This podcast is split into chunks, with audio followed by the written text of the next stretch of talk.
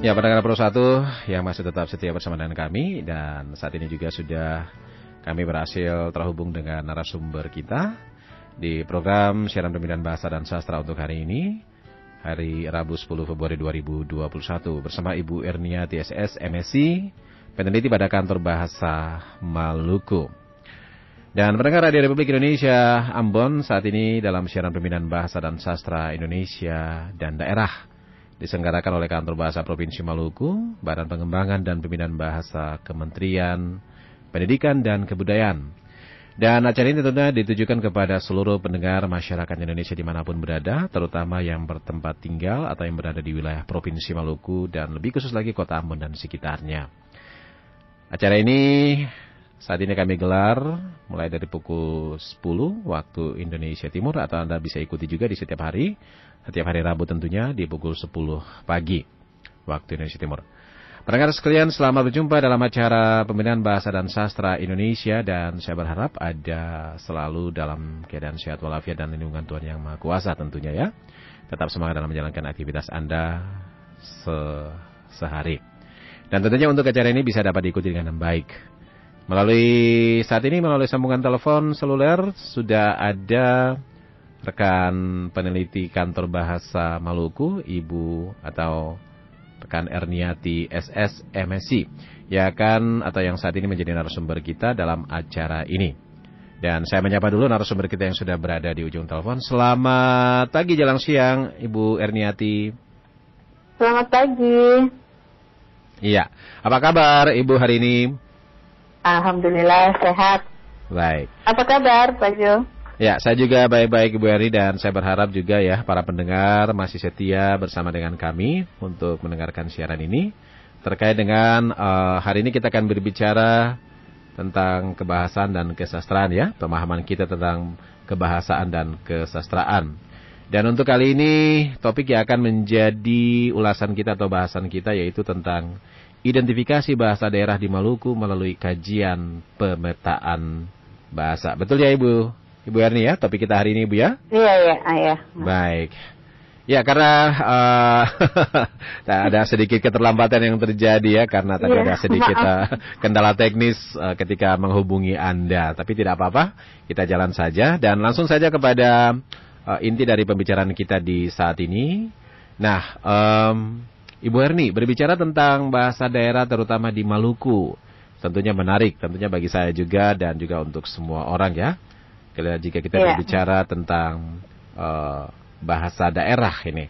Nah, yeah, yeah. melalui atau lewat program kali ini, uh, hal apa saja yang sangat urgen kira-kira untuk diketahui oleh masyarakat terkait dengan bahasa daerah ini, Ibu Erni? Silakan. Iya, baik. Ya, baik Pak Jo. Saya mohon maaf karena... Dengan Pak Teis di sini, dengan Pak Teis. Iya. Ya.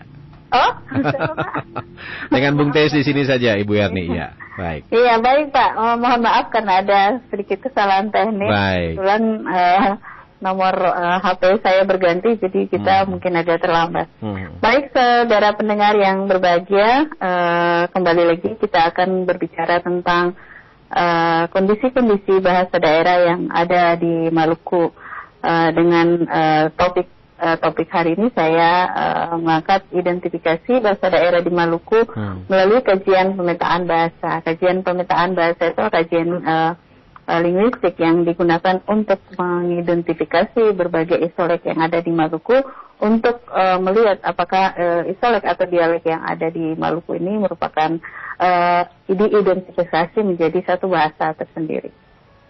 Oke, baik uh, saudara pendengar yang uh, berbahagia jika membicarakan atau membahas tentang bahasa daerah dari uh, sudut mana pun uh, pasti urgen ya karena hmm. uh, kita tahu sekarang kondisi bahasa daerah bukan hanya di Maluku tetapi di seluruh Indonesia uh, berada di ancaman uh, karena di status yang kalau yeah. saya boleh bilang itu sangat uh, kritis ya sangat memprihatinkan. Hmm. Bahasa daerah tidak lagi menjadi bahasa komunikasi sehari-hari di lingkungan uh, penuturnya. Pengguna bahasa daerah tidak lagi menganggap bahwa bahasa daerah itu menjadi prestise untuk uh, setiap penutur. Nah, bahasa daerah tidak lagi diminati penutur antar uh, generasi. bahasa daerah tidak juga lagi menduduki fungsinya sebagai lambang identitas setiap etnis. Begitupun yang terjadi di eh, kondisi-kondisi uh, bahasa yang ada hmm. di provinsi Maluku. Fenomena ini menunjukkan bahwa uh, keterlibatan para linguis atau para pemerhati bahasa iya. dengan kajian-kajiannya, dengan penelitian-penelitiannya pun itu tidak mampu mendongkrak uh, keinginan generasi muda untuk uh, menggunakan bahasa daerahnya sebagai uh, bahasa pengantar uh, sehari-hari, misalnya hmm. seperti itu. Nah ini sangat miris ya kondisinya, iya. padahal uh, kita ketahui bersama bahwa uh, jika memahami bahasa daerah bahkan mampu berkomunikasi berarti uh, kita masih memelihara budaya, kita mampu menunjukkan uh, identitas kita kepada etnis lain dengan uh, menggunakan bahasa daerah yang ada di etnis kita. Saya kira seperti itu, Pak. Hmm. Baik, Ibu Erni, apa yang baru disampaikan ini menunjukkan adanya uh, apa fenomena ataupun situasi keprihatinan terkait dengan bahasa daerah kita. Nah, jika ya. demikian, kalau memang saat ini sudah memprihatinkan, apakah masih ada kesempatan atau langkah-langkah untuk penanganannya lagi, Bu Erni, agar kita punya bahasa daerah ini bisa terlindungi atau tidak sampai ter degradasi atau bisa terselamatkan begitu, Ibu Erni. Iya, iya. Baik. Iya, pasti ada lah. Hmm.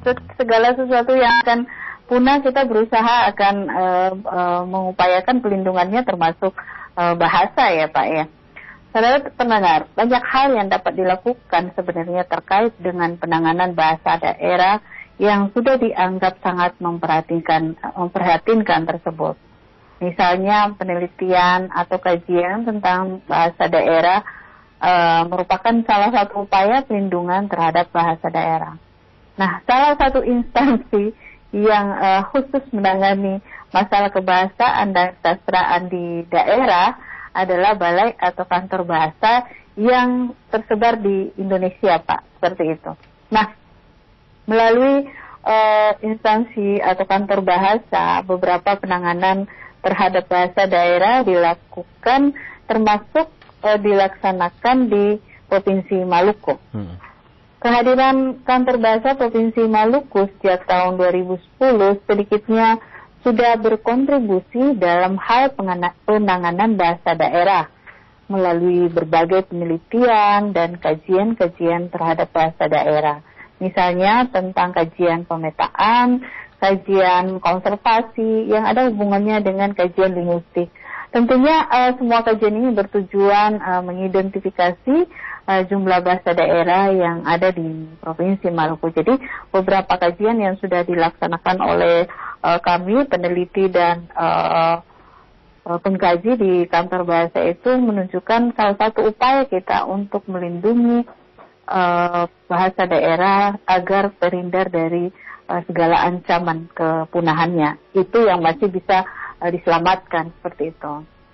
Oke, okay. iya baik. Dan saya rasa hari ini kita berbicara uh, sangat menarik sekali ya, karena memang uh, bahasa daerah untuk Maluku ini memang kita punya bahasa daerah yang begitu banyak sekali. ya, sebagaimana kalau kita ketahui bersama bahwa di Maluku ini terdapat banyak bahasa sesuai dengan uh, penuturan dari masyarakatnya masing-masing. Dan saya sendiri juga maupun juga pendengar kita, pendengar RRI di mana pun tentu ingin uh, tahu atau mengetahui uh, sampai sejauh mana atau lebih jauh bagaimana cara bisa untuk mengidentifikasi bahasa tersebut sesuai dengan uh, atau menurut kajian-kajian linguistik tadi seperti kata Ibu Erni tadi. Iya.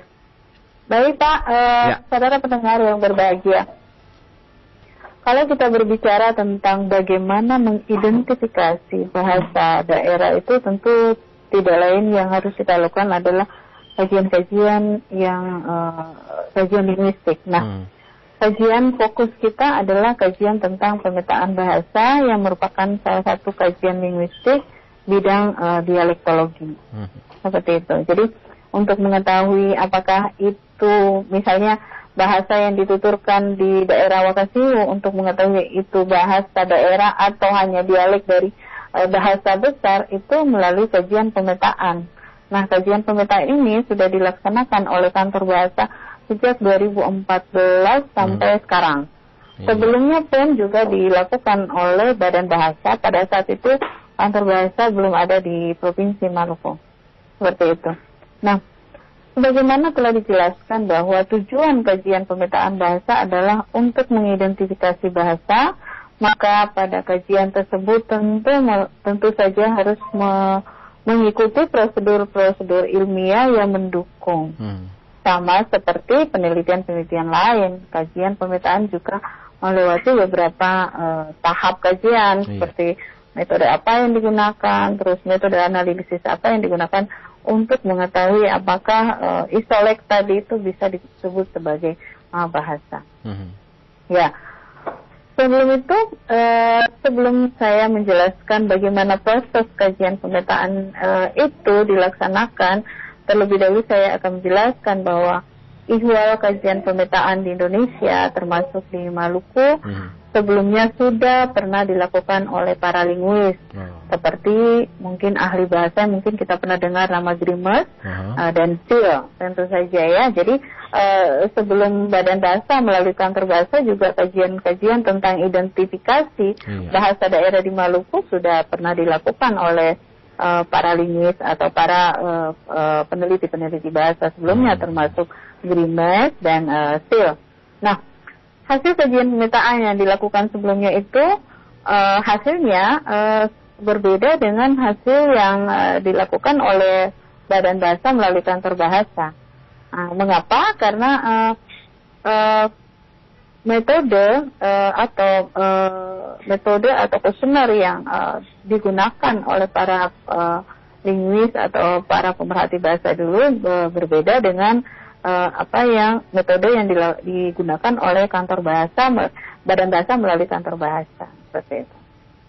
Jadi hasil jumlah uh, bahasa yang uh, diidentifikasi oleh peneliti bahasa sebelumnya itu hmm. uh, berbeda dengan identifikasi yang uh, di, di, ditemukan oleh uh, badan bahasa karena tadi yang uh, seperti yang saya katakan yeah. bahwa metode metode yang digunakan itu berbeda. Ada yang uh, kalau sih menggunakan metode sosiologistiknya yang lebih kuat. Kemudian kalau di badan bahasa melalui kantor bahasa itu menggunakan metode dialektologi uh, dengan menggunakan uh, analisis uh, dialektometri seperti hmm. itu, Pak. Iya. Oke, jadi biarpun metode berbeda, tetapi uh, hasil ya. dari itu hasilnya tetap sama ya, tidak beda-beda jauh juga uh, ya? Uh, berbeda Pak. Jadi hmm. begini, Hmm. Uh, jadi misalnya kalau SIL mengidentifikasi uh, jumlah bahasa di Maluku itu baik Maluku Utara dengan Maluku Provinsi Maluku itu hmm. mengidentifikasi 131 ya, hmm. 131. Kemudian kalau uh, hasil yang digunakan yang di uh, metode yang digunakan oleh kantor bahasa itu uh, menemukan banyak 64 bahasa sampai tahun 2020 iya. gitu. Tetapi itu khusus di Provinsi Maluku. Beda-beda sedikit. Beda-beda Jadi ada yang hmm. uh, sil katakan itu bahasa, kemudian kita analisis secara metode dialektometri itu uh, hanya dialek dari beberapa dari bahasa besar yang ada di uh, sekitarnya. Tetapi itu uh, kajian uh, hasil kajian itu kan biasa berbeda itu wajar saja berbeda nah. karena metode yang digunakan kan uh, berbeda. Baik. Seperti itu. Iya. Semuanya iya. bisa menjadi dasar untuk dijadikan penelitian, bahan penelitian lanjutan kayak gitu, Pak. Baik, baik. Nah, senang sekali ya, atau saya saya fokus sekali dengan penjelasan tadi. Nah, jika mengacu pada penjelasan yang baru saja Ibu Erni katakan tadi atau jelaskan tadi, kira-kira sudah ada berapa jumlah bahasa daerah yang berhasil teridentifikasi oleh tim kantor bahasa Provinsi Maluku sampai dengan tahun 2021 ini melalui kajian pemetaan bahasa tersebut, Ibu Erni. Oh iya, baik Pak, uh, saudara hmm. pendengar yang uh, berbahagia. Uh, sampai tahun 2020 ya, ini 2021 tahun 2021. ini masih ada lagi pengambilan hmm. data uh, hmm. dua isolek. Uh, nanti di, di, akan dikaji lagi apakah iya. dua isolek penambahan uh, data tahun ini bisa uh, disebut uh, sebagai bahasa atau enggak kita hmm. masih menunggu kajian. Tetapi pada sam sampai tahun 2020 kita sudah mengidentifikasi jumlah bahasa yang ada di Provinsi Maluku itu sebanyak 60 Uh, lima termasuk hmm. bahasa Melayu Ambon. Oh. Tetapi untuk bahasa daerahnya itu 64. Hmm. Jadi uh, ini tersebar dari seluruh po, apa kabupaten kota di provinsi Maluku. Jadi hmm. dengan begitu berarti bahwa uh, pan, apa provinsi Maluku merupakan uh, uh, pemilik jumlah bahasa daerah uh, ketiga terbesar di Indonesia setelah hmm. Papua, NTT, baru uh, Maluku. Itu. Hebat ya Bu ya provinsi kecil tapi punya bahasa daerah yang banyak. Iya, sangat banyak. baik, baik, baik, baik, baik. Iya. Ya. Lalu uh, Ibu Yani selanjutnya apakah uh, jumlah bahasa daerah ini sudah dipublikasikan ke masyarakat Maluku kah atau belum? Lalu bagaimana kira-kira tanggapan mereka jika ternyata nama dari bahasa daerah salah satu etnis atau masyarakat uh, tutur ini tidak tercantum pada identifikasi tersebut. Ya. Ya. Baik Pak, sebenarnya uh, untuk uh, publikasi hasil dari identifikasi bahasa yang ada di Maluku itu sudah di, di, dipublikasikan oleh Badan Bahasa sejak tahun 2008. Sejak tahun 2008 tentu hmm. saja hasil itu juga bisa diakses Pak di langsung di laman Badan Bahasa melalui peta bahasa Kemdikbud Go ID. Iya. Nah, uh, itu setiap tahun kan uh, setiap tahun pengambilan data lagi kemudian bertambah jumlah bahasa tersebut dan sampai pada tahun 2019 eh, itu sudah uh, dipublikasikan melalui laman uh, peta bahasa Kemdikbud Go ID itu uh, teridentifikasi 62 bahasa termasuk bahasa Melayu Ambon. Nah, mengapa 64 tadi? Setelah sebelumnya tadi saya sudah jelaskan 64 karena uh, dua, tahun 2020 kami menambah tiga isolek yang ternyata setelah dianalisis tiga isolek tersebut sudah di, bisa dikatakan uh, sebagai bahasa. Namun uh, itu tiga isolek itu ada bahasa Taol yang ada di Seram bagian uh, timur, kemudian ada yang uh, bah ada bahasa yang dituturkan di uh, bahasa Koa yang di uh, Mausuane yang yang dituturkan oleh suku Mausuane, kemudian ada bahasa yang di pulau yang dekat-dekat Teor itu itu juga diidentifikasi sebagai bahasa. Namun uh, prosedur uh, publikasi secara nasional itu kan uh, kami tim dari kantor bahasa harus me, membuat uh, satu narasi, kemudian kami usulkan ke badan uh, bahasa. Nanti yang untuk publikasi secara nasional itu diserahkan ke tim yang ada di uh, pusat seperti itu. Tetapi uh, kami di kantor bahasa sudah uh, secara lokal sudah sudah uh, kami publikasikan bahwa jumlah bahasa sampai jumlah bahasa yang teridentifikasi sampai tahun tahun 2020 itu sudah 65 eh, bahasa, hmm. termasuk bahasa Melayu Ambon yeah. seperti itu. Iya. Nah, tadi ada pertanyaan lagi mengapa eh, apa apa namanya bagaimana tanggapan masyarakat? Iya, respon masyarakat ya, ini. Iya, jika misalnya ada salah satu dari etnis ya, atau masyarakat ya yang tidak tercantum ya, begitu.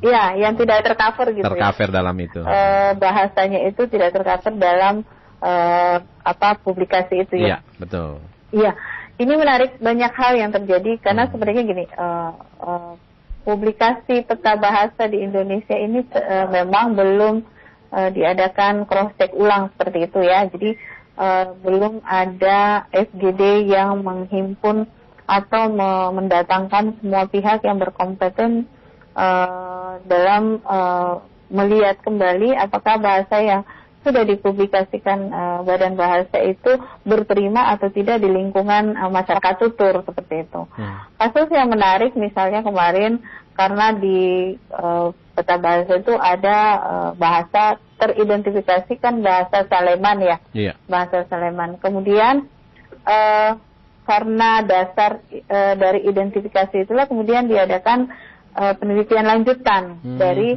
uh, identifikasi bahasa tersebut misalnya nih bahasa Saleman. Yeah. Nah, karena ada bahasa Saleman di peta bahasa, nah akan diadakan uh, pelindungan lain hmm. seperti misalnya revitalisasi bahasa bahasa Saleman karena kita merujuk pada uh, data yang ada pada uh, peta bahasa yang sudah terpublikasi. Nah, ada ada banyak riak, ada banyak uh, protes dari masyarakat yang uh, menurut mereka itu bahasa Saleman itu bukan bahasa uh, bukan bukan bahasa Saleman, tetapi hmm. lebih ke bahasa uh, Sawai misalnya hmm. yang negerinya lebih tua. Nah, ada intrik seperti itu hmm. banyak banyak yang seperti itu. Tetapi uh, kembali lagi, misalnya bahasa Hitu, mengapa yeah. harus bahasa Hitu? Mengapa bukan bahasa Asilulu misalnya? Hmm. Mengapa bukan bahasa ini? Mengapa begitu? Tetapi yeah. kan penentuan penentuan uh, penamaan bahasa itu kita tidak merujuk pada uh, penuturan masyarakat. Karena di, di Ambon ini, kalau kita merujuk pada penuturan masyarakat. Setiap negeri itu punya bahasa yang berbeda menurut hmm. mereka karena hmm. mereka tidak mau dikatakan bahwa negeri mereka itu bukan misalnya bahasa Morela, bahasa Mamala. Yeah. Mereka pasti mengklaim bahwa bahasa saya namanya bahasa Morela sesuai penamaan negeri. Hmm. Ya kan seperti itu. Tetapi setelah dikaji itu kan sama saja bahasa yang ditutupkan di Hitu di sepanjang Desirali hmm. Hitu. Yeah. Nah, mengapa penamaan bahasa itu karena tentu saja kita harus melihat dokumen-dokumen pendukung. Hmm. Dokumen-dokumen pendukung sehingga penamaan e, bahasa tersebut kita menggunakan bahasa itu iya. misalnya, hmm. seperti itu. Kita harus melihat negeri mana yang yang e, kira-kira punya e, sumber sastra lisan yang e, tua seperti hmm. itu. Jadi ada banyak hal yang e, dokumen yang mendukung sehingga penamaan bahasa e, itu di, di, di dilakukan seperti itu. Pasti banyak banyak protes, pasti banyak protes. Tapi ketika kita bisa uh, menjelaskan secara ilmiah iya. bahwa uh, ini loh uh, metode begini loh yang kita pakai untuk menentukan bahasa, saya pikir uh, bisa berterima. Nanti uh, apa respon-respon berikutnya kita bisa menjelaskan secara ilmiah karena kami peneliti hanya bisa menjelaskan secara ilmiah terkait dengan uh, bagaimana uh, kepentingan-kepentingan lain terhadap penamaan bahasa oleh sebuah negeri itu uh, perlu kajian tambahan, tapi bukan dalam koridor kajian pemetaan bahasa. Saya kira seperti itu, Oke. Pak. Oke. Jadi bisa saja bahasa itu uh, memakai nama kampung atau nama negeri tadi ya seperti iya, hampir semua kan, hampir okay. semua di wilayah Maluku ini uh. mengatakan bahwa sesuai dengan penamaan hmm. desa atau negerinya yeah. gitu, karena Baik. mereka mungkin uh, uh, apa bukan mungkin ya karena kan uh, identitas uh, etnis negeri itu kan hmm. dilihat dari oh bahasanya itu termasuk. Tetapi secara linguis secara linguistik ketika dikaji oh ini hampir sama. Oh ini sama hanya beda dialek. Karena kan kita menentukan uh, apakah bahasa atau dialek itu ada ada standar ilmiahnya gitu. Ketika perbedaannya lebih dari 81 persen berarti dianggap memang beda bahasa. Tetapi di bawah itu 80,99 pun itu sudah tidak bisa dianggap sebagai beda bahasa karena kan uh, kita punya standar ilmiah untuk menentukan apakah isolek atau dialek yang digunakan di iya. negeri itu bahasa atau bukan kayak gitu. Baik. Seperti itu Pak. Baik. Iya, kita lanjut lagi Bu Erni. Ini semakin menarik sekali nih bahasan kita nih. Ya. Berbicara tentang bahasa daerah, terutama di Maluku ini merupakan uh, sebuah pembicaraan yang tentunya akan memakan waktu dan sebenarnya tak habis-habisnya ya. Waktu satu jam ini tidak iya. cukup. Ya. nah, um, tentunya sebagai orang Maluku, uh, saya juga bangga ya. Karena di Maluku ini ada jumlah ya. banyak bahasa daerah. Namun kebanggaan itu tentunya tidak berhenti sebagai sebuah wacana saja ya. Karena menurut saya semakin banyak uh, bahasa daerah yang ada ini semakin banyak atau semakin bertambah pekerjaan rumah ya, pekerjaan tentang ya. bagaimana untuk penanganan dan perlindungannya terhadap bahasa ini. Nah, menurut Ibu Erni sendiri bagaimana Ibu melihat penanganan bahasa daerah di Maluku oleh pemerintah daerah sepanjang ini? Uh, iya. Hmm. Ah, ini ini kegelisahan. Saya 10 hmm. tahun di Maluku dan uh, bergelut di uh, pendidikan apa hmm. namanya penelitian bahasa daerah memang yeah. Iya. uh, apa ya kita tuh berharap ya pemerintah punya andil besar gitu untuk hmm. melindungi bahasa daerah bagaimana bahasa daerah ini tidak tidak tidak punah gitu tidak terancam punah karena uh, sebagaimana kita ketahui kan undang-undang juga sebenarnya sudah mengatur ya bahwa hmm. uh, uh, pelindungan bahasa daerah itu ditangani oleh pemerintah daerah seperti itu tetapi uh, bagaimana kondisinya sekarang mungkin uh, Bung bisa lihat sendiri bagaimana penanganan bahasa daerah uh, di Maluku seperti itu. Hampir hmm.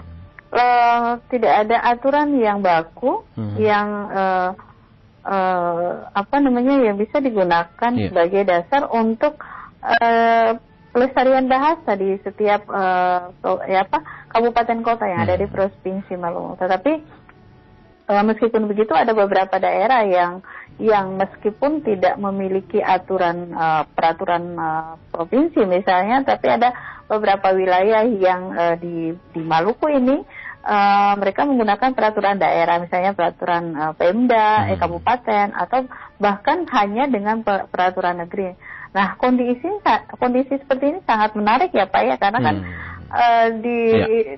apa namanya di wacana yang tidak uh, tidak dipedulikan ya tanda kutip ya bahasa penggunaan bahasa daerah, tetapi masih ada wilayah-wilayah yang uh, sangat uh, peduli terhadap uh, bagaimana melestarikan bahasa daerah tersebut. Misalnya bahasa Kei, ada ada uh, aturan sehari berbahasa Kei itu hari yeah. Jumat. Nah, kita harus memberikan apresiasi yang sangat tinggi ya terhadap pemerintah daerah yang punya uh, kesadaran sendiri untuk uh, melakukan uh, pelestarian bahasanya. Misalnya ada juga peraturan negeri di di situ misalnya di situ tuh juga dibuat peraturan negeri yang uh, mengharuskan uh, sekolah dasar uh, uh, sehari berbahasa berbahasa uh, daerah seperti iya. itu. Nah karena kalau kalau tidak lagi ada yang seperti itu ya kita mau tidak mau kita harus uh, Baik. mau menjadi sejarah saja nanti ini bahasa kita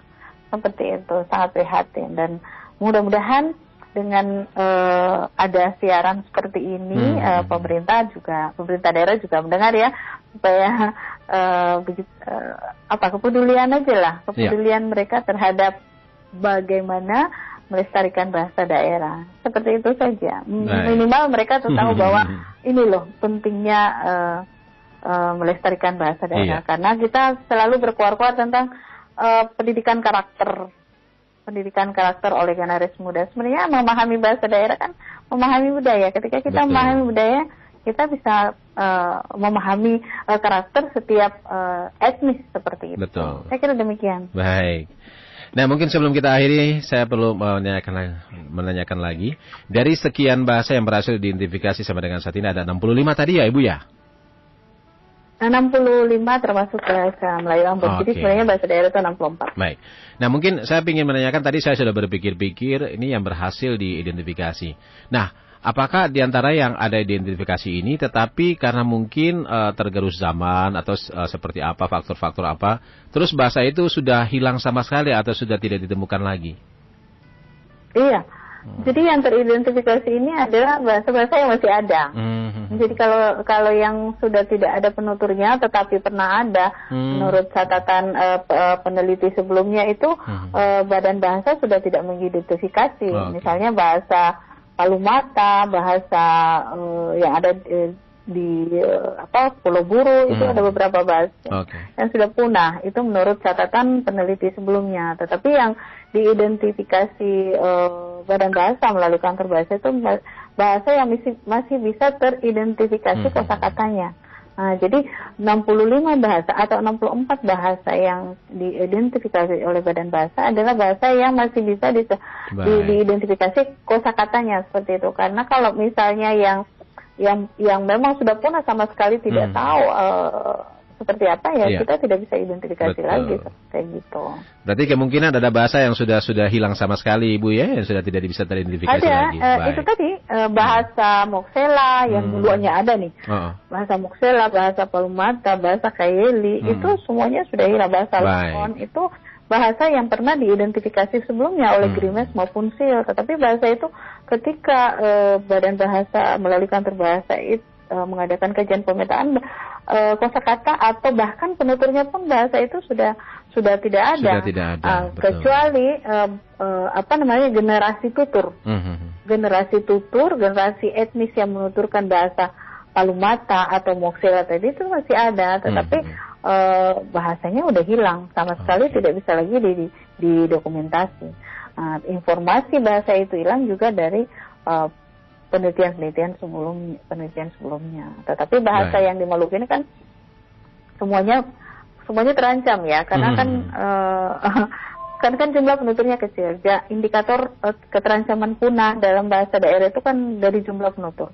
Uh, ada ahli yang mengatakan bahwa kurang dari satu juta penutur itu bahasa itu terancam punah. Nah, hmm. Nah, bagaimana di Maluku dengan 64 bahasa berapa berapa berapa jumlah penutur setiap bahasa? Hmm. Kita penduduknya aja nggak sampai 2 juta kan. Jadi ya kalau melihat indikator uh, kepunahan bahasa melalui kajian-kajian sebelumnya itu semua bahasa yang ada di Maluku ini akan terancam punah kalau menurut saya. Iya. Saya kira seperti itu sih ya. Iya. Bapak penutur bahasa apa? Oke. Okay. Ya, kita sudah tiba di penghujung eh, bincang-bincang uh, kita dalam siaran pembinaan bahasa dan sastra ini. Dan mungkin ada satu pertanyaan terakhir berupa kesimpulan saja untuk Ibu Erni.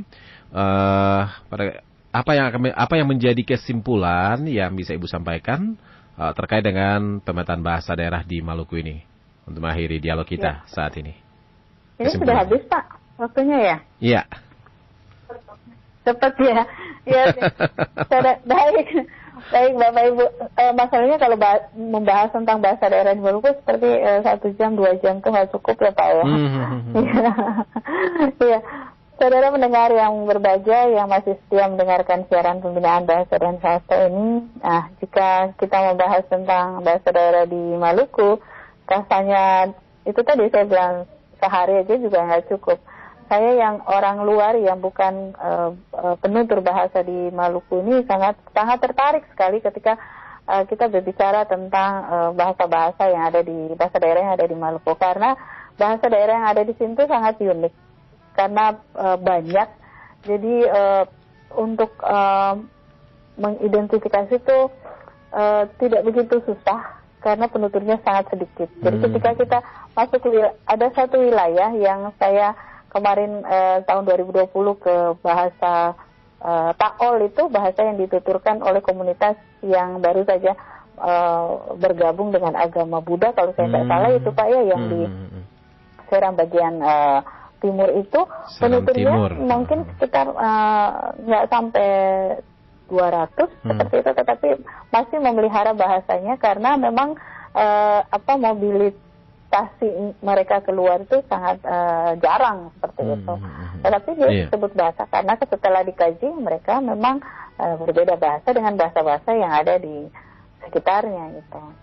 Nah, banyak hal yang uh, terkait dengan bahasa daerah bukan saja mengidentifikasi jumlah bahasanya ya Pak, tetapi iya. bagaimana iya. penanganan uh, pelestarian bahasa daerah yang tadi sudah teridentifikasi.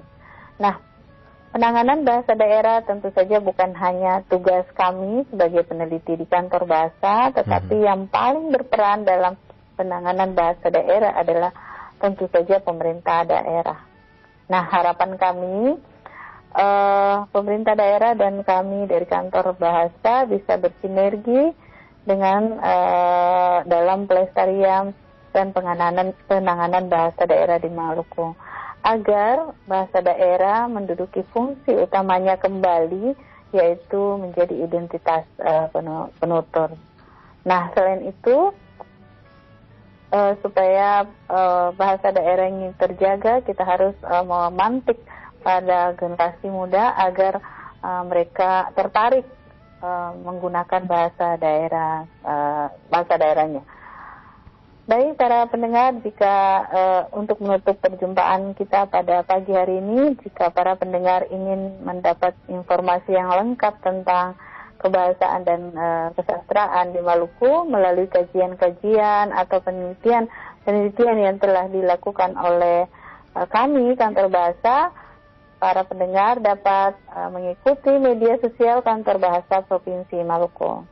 Para pendengar bisa mengikuti akun media sosial FB Kantor Bahasa Maluku, IG Kantor Bahasa Maluku, atau laman kantorbahasamaluku.kemdikbud.id. Iya. Para pendengar, bukan hanya itu, mm -hmm. sebagai bentuk kepedulian pelindungan bahasa dan sastra, pendengar juga bisa menyumbang tulisan berupa jurnal dan iya. uh, makalah ilmiah tentang bahasa dan hmm. sastra melalui majalah Fuli dan jurnal totobuang.kemdikbud.go.id. Saya kira iya. seperti itu Pak Baik. untuk uh, penanganan bahasa daerah di Maluku. Baik, Ibu Erni terima kasih dan pendengar. Nah, itu kesempatan bagi Anda juga bisa berbicara ataupun juga bisa menulis ya tentang bahasa dan sastra, ya, membuat ya. sebuah makalah ilmiah. Tinggal saja uh, diantarkan ke kantor bahasa atau majalah majalah Fuli atau tadi di itu lamannya ya di ya, kantor bahasa ya. Maluku titik Kemdikbud titik dua titik id. Jangan baik. lupa ikuti kami Pak di IG-nya hmm. supaya Oke. Okay. RRI sama kantor bahasa bersinergi untuk menyosialisasikan baik. Uh, bahasa dan sastra di Maluku. Baik, Ibu Erni. Oh. Terima kasih. Dan demikian para pendengar Radio Republik Indonesia Ambon. Demikian bincang-bincang ataupun juga pembahasan kita dalam acara siaran pembinaan bahasa dan sastra Indonesia pada hari ini. Rabu 10 Februari 2021. Dan semoga para pendengar juga tetap setia untuk mengikuti acara siaran pembinaan bahasa dan sastra ini.